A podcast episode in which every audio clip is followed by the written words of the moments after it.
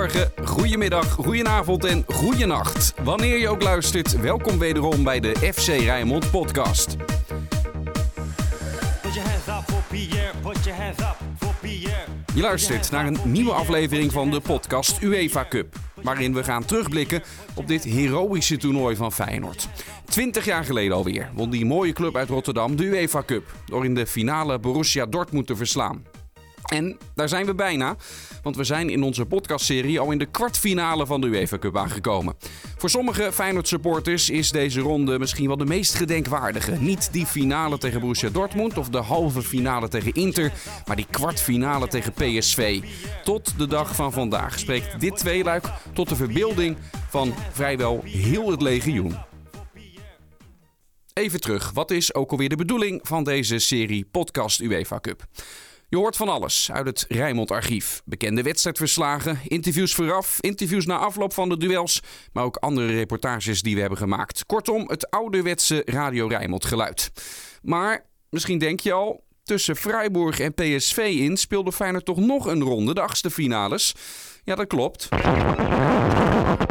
In onze productie rondom die achtste finale tussen Feyenoord en Glasgow Rangers hebben we, nou, op zijn zachtst gezegd, nogal wat problemen gehad. Het archiefmateriaal waarop die wedstrijdverslagen en de reportages stonden, was of kapot of van dermate slechte kwaliteit dat we hebben besloten, met pijn in het hart, om geen podcastaflevering te maken rondom die wedstrijden tussen Feyenoord en de Rangers. Maar geen zorgen, we hebben nog een oude band afgestoft met doelpunten in de kuip van wie anders dan Pierre van Hooijdonk. Van Hooydonk probeert te steunen bij het nemen van die vrije trap. Het eh, fluitje heeft geklonken. Recht voor het doel staat Pierre van Hooydonk. Overigens Power staat nog in de buurt. Van Del staat nog even mee te kijken naar de muur. Komt de bal van Van Hooydonk over de muur. Ja! Ja, ja, ja! En Van Hooijdonk staat klaar om hem te nemen. Daar is hij weer. De aanloop. Nou, nu gaat de Amoruso daar op de lijn staan. Is het Van Hooijdonk die daar nog even op wacht. En dan gaat die vrije trap nu genomen worden. Van Hooijdonk over de muur. Ja!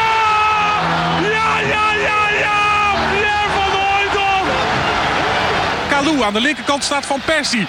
Die vraagt de bal, die krijgt de bal. Van Persie dreigt, gaat buitenom. Gaat eh, de achterlijn halen. Van Persie, die nog altijd eh, in balbezit is. Gaat nu het 16 meter gebied in. Gaat dan nog een speler uit. Nog altijd Van Persie. Jo, tegen de paal! Tegen de paal van Persie. Dan Van Hooijdonk met de voorzet. Ja! Ja, ja, ja, ja! Kalou met de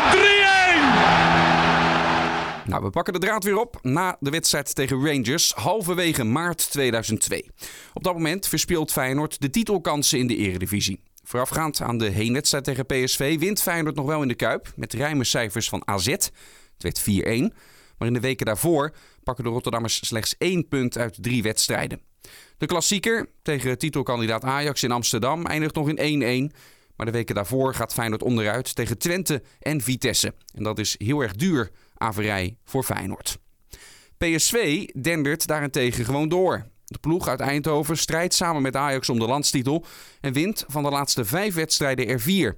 PSV scoort er lustig op los met 14 goals in die vijf duels, terwijl Feyenoord slechts acht keer het net vindt. Pikant detail, Feyenoord-coach Bert van Marwijk treft zijn schoonzoon in dit tweeluik. Mark van Bommel, de aanvoerder van PSV. Maar in feite ontlopen beide teams op dat moment elkaar eigenlijk niet zoveel, 20 jaar geleden. Bovendien heeft Feyenoord nog een appeltje te schillen met PSV. In de kwartfinale van het bekertoernooi in ditzelfde seizoen werd Feyenoord na strafschoppen door het team uit Eindhoven uitgeschakeld. Penalties dus. Daar zullen we later nog zeker op terugkomen.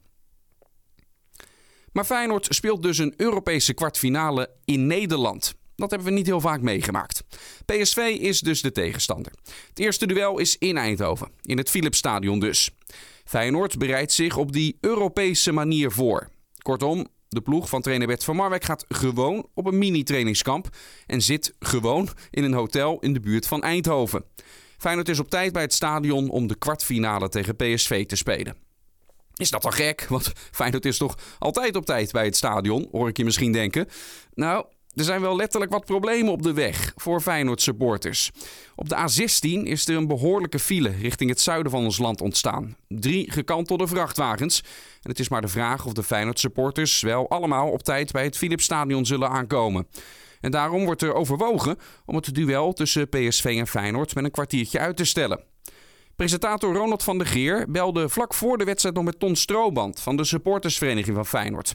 Zouden de supporters vanuit Rotterdam de wedstrijd wel gaan halen? Nou, ik, eh, ik had ze 10 minuten geleden aan de lijn. Toen waren ze eh, een kilometer 15 voorbij Breda. Dus ook richting Tilburg waren ze toen pas. Maar die waren al om half vijf weggereden. Dus dat is een behoorlijk lange rit geweest. Ja, heb je enig idee hoe, hoe dat ervaren is? De twee uur zitten in een bus en niet voor of achteruit kunnen? Nou, ik denk dat iedereen dat eh, zich wel een beetje kan indenken hoe dat is. Ja. Ga je het halen, denk je? Wij wel, ja. Ja. Wij, eh, wij, hebben, nog- wij hebben nog zo'n 10 minuutjes te gaan, denk ik. Heb jij contact gehad met mensen in Eindhoven over jullie situatie? In Eindhoven nog niet, nee. nee. Maar met wie wel?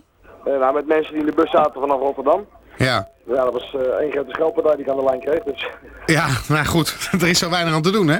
ja, nee, niks. Dan weet je dat als je rond deze tijd gaat rijden, dan kan je wel eens in een filetje terechtkomen. Nou, hoe is de stemming in de bus?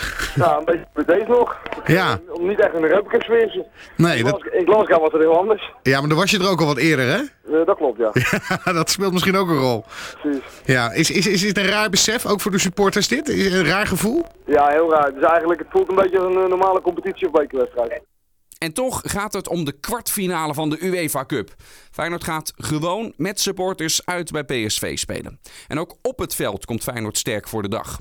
In tegenstelling tot voorgaande rondes in de UEFA Cup hebben de Rotterdammers eindelijk een keer een vrijwel fitte selectie. Voorafgaand aan het eerste duel met PSV sprak verslaggever Robert Anker met de Feyenoord-spelers Kees van Wonderen en Jondal Thomasson, die na dit seizoen Feyenoord zou gaan verlaten. Thomasson heeft getekend bij AC Milan, maar wil heel graag nog een prijs pakken met de Rotterdammers. Over zijn aanstaande transfer naar Italië wil Thomasson het dus nog niet al te veel hebben, maar des te meer over het komende treffen met PSV. Ehm, ja, aan de ene kant eh, gaat het over twee wedstrijden en dan moet je, moet je gewoon doorkomen. En als je doorkomt zit je in de semifinale in. Dus dat is eh, echt hartstikke mooi. Natuurlijk is, is het vreemd dat we, dat we in Nederland speelt. Ik denk iedereen wil het wel graag naar het buitenland, wedstrijd in het buitenland spelen. Maar ja, zo is het. Eh, aan de ene kant is het wel mooi voor, voor Nederland. Dan komt er zeker een ploeg in de semifinale.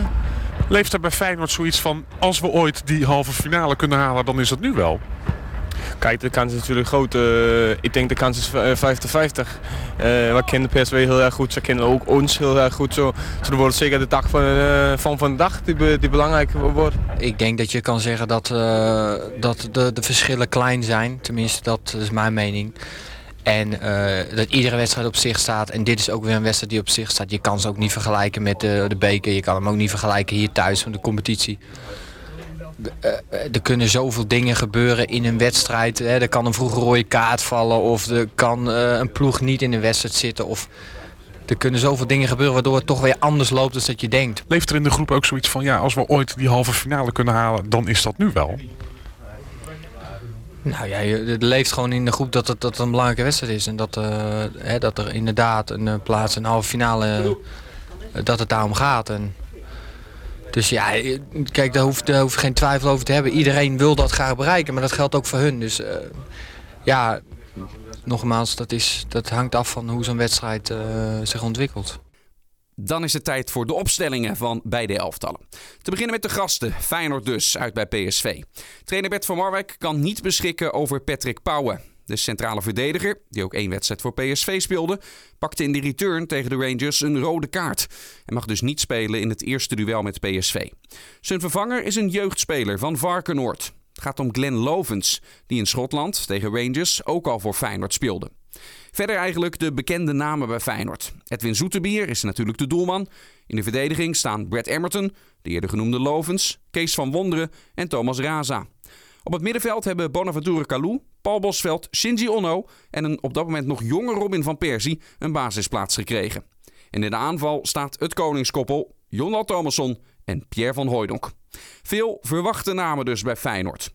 Team van PSV is ook niet mis in eh, dat seizoen. De Eindhovenaren zijn de regerend landskampioen en hebben een sterke ploeg. In het doel staat Ronald Waterreus. En de PSV-verdediging bestaat uit Casper Beugeloend, André Ooyer, Kevin Hofland en de ervaren Jan Heijnsen. Verder zien we op het Eindhovense middenveld Dennis Rommedaal, de captain Mark van Bommel, Theo Lucius en Wilfred Bauma. En in de aanval staat het spitse duo Jan Vennegoor Hesselink en Matthea Kesman. Het is de hoogste tijd om naar het Philipsstadion te gaan. Op de klanken van Simply the Best van Tina Turner en heel veel vuurwerk komen PSV en Feyenoord het veld op. Het commentaar in Eindhoven wordt gegeven door Hans van Vliet. Veel luisterplezier. Goed, de ventjes beneden met die vlaggen staan klaar. Zo, nog even wat uh, vuurwerk vanaf het veld. Vliegt, althans, de bedoeling, maar we hopen dat het de lucht gaat.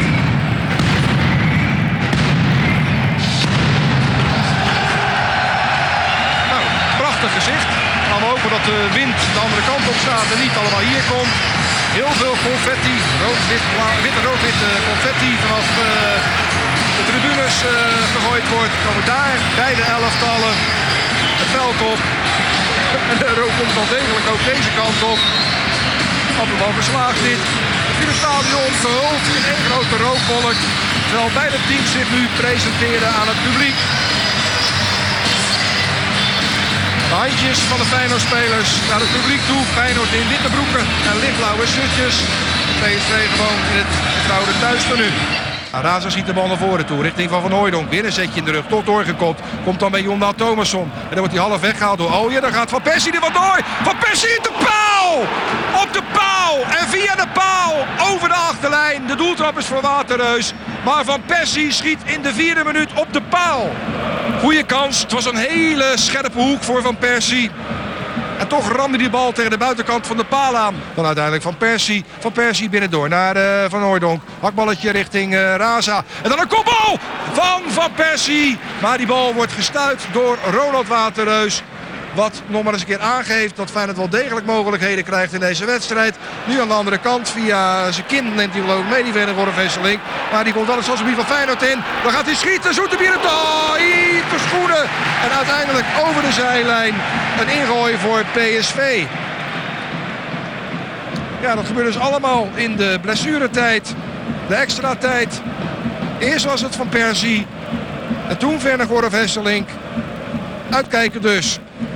Nou, de bal ingegooid. PSV van Bommel met Weerlovens ertussen die nuttig staat uh, op te ruimen daarachterin. Het paasje van Kalou richting uh, Thomasson. Daar zit dan ook... Uh... Oh, die verstrikt zich. Dan.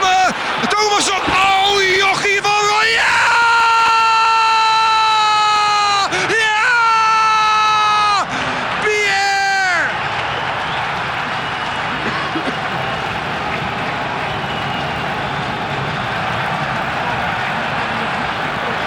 Pierre van Hooydonk nadat John Thomas, Thomasson naar die afschuwelijke afspeelfout van uh, Hofland.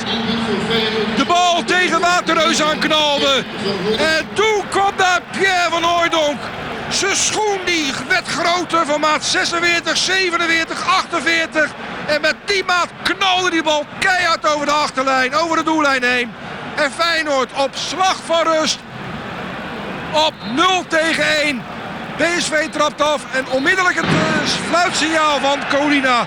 Wat een heerlijke goal van Pierre van Hooydonk. 0-1. De vrije schop met Kees van Wonderen achter de bal.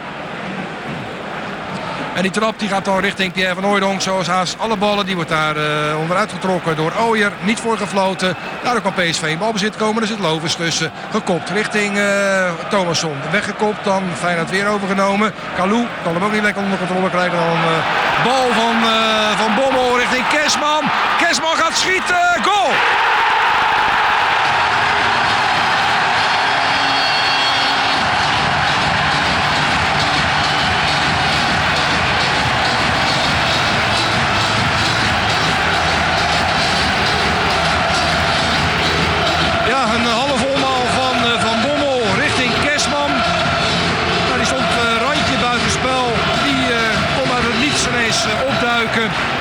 Zo komt PSV, zoals veilig vlak voor rust op 1-0 na rust, vlak naar rust op 1 tegen 1.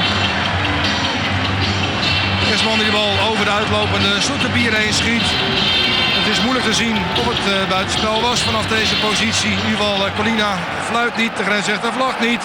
En de 1-1 dus in deze wedstrijd. Even uitkijken nu met Kesman in balbezit. Die de bal kort speelt. Gaat hij naar de rechterkant. Brugging die er bijna bij kwam. Uh, dan mogelijkheid voor PSV. Rommedaal over.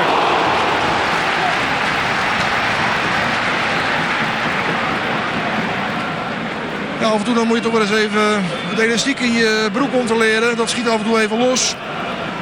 Alhoewel PSV nou niet die dreiging heeft vanavond. Maar deze mogelijkheid van Rommedaal was wel degelijk aanwezig. En hij krolt de bal over de lat heen bij Zoeterbier. Ja, dan krijgen we toch steeds meer een hele aardige uitslag in het verschiet. Vlak voor rust die 1-0 van Van Ooydonk. Vlak na rust die 1-1 van Kesman. Een heel aardig uitgangspunt voor Feyenoord. 1 tegen 1 staat het als de bal weer naar de helft van PSV gespeeld wordt. Er zit waterroos tussen. Nou, Colina kijkt weer op zijn horloge. Loopt al wel gelijk.